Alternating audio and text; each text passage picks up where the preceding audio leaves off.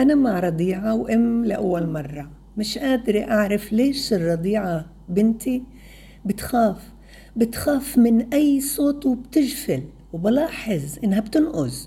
وبتخاف إذا حدا من الغرب بده يحملها. مش عارفة كيف أتصرف. هاي مسألة طبيعية. لما طفل كان عايش في الرحم ببطنك بعرفش إشي من الحياة بالخارج.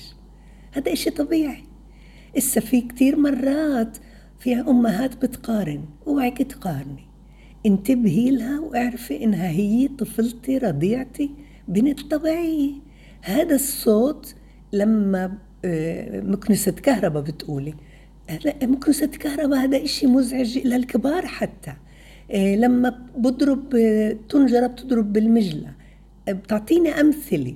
كلياتها أصوات اللي بتخليها تجفل وبتحس إنها بترمش وبتصير تبكي بصوت عالي هذا إشي طبيعي ردة فعل طبيعية. المحسوسات عند الرضيع قوية كتير. فلما تجفل لما تحسي إنها بدها تبكي بدنا نعبط نغمر ونحكي. الحكي بخليها أول شي تخزن وبصير عندها رصيد لغوي. آه هذا الصوت عالي كتير. هذا الصوت مزعج. انت يا صوت انت خليت بنتي تنقز خليتها تخاف. ليش انت بتعمل هذا الصوت؟ انت بطريقة الدراما تبعتك هاي. بتخليها تحس بأمان واطمئنان بس بصوت كمان مش عالي ومع غمرة ومع نفسك. هذا كتير بساعدها على أنها تسترجع أمانها.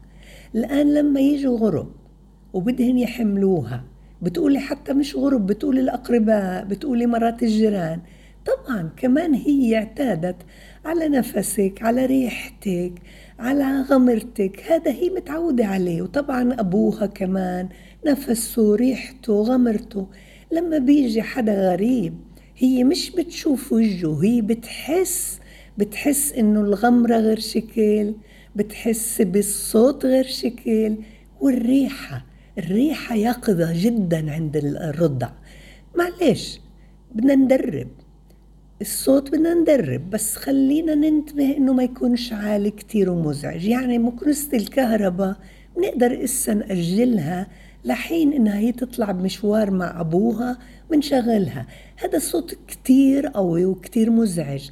خبطة بتقولي خبطة طنجرة خبطة غطا الطنجرة بنجرب قديش بنقدر يكون طبيعي. بدناش نعمل هدوء تام. لا بدناش نعمل هدوء تام لأنه الهدوء التام مش طبيعي. بس الطبيعي هي الأصوات اللي بتصدر لما بزيح كرسي لما بدقم كرسي بالطاولة.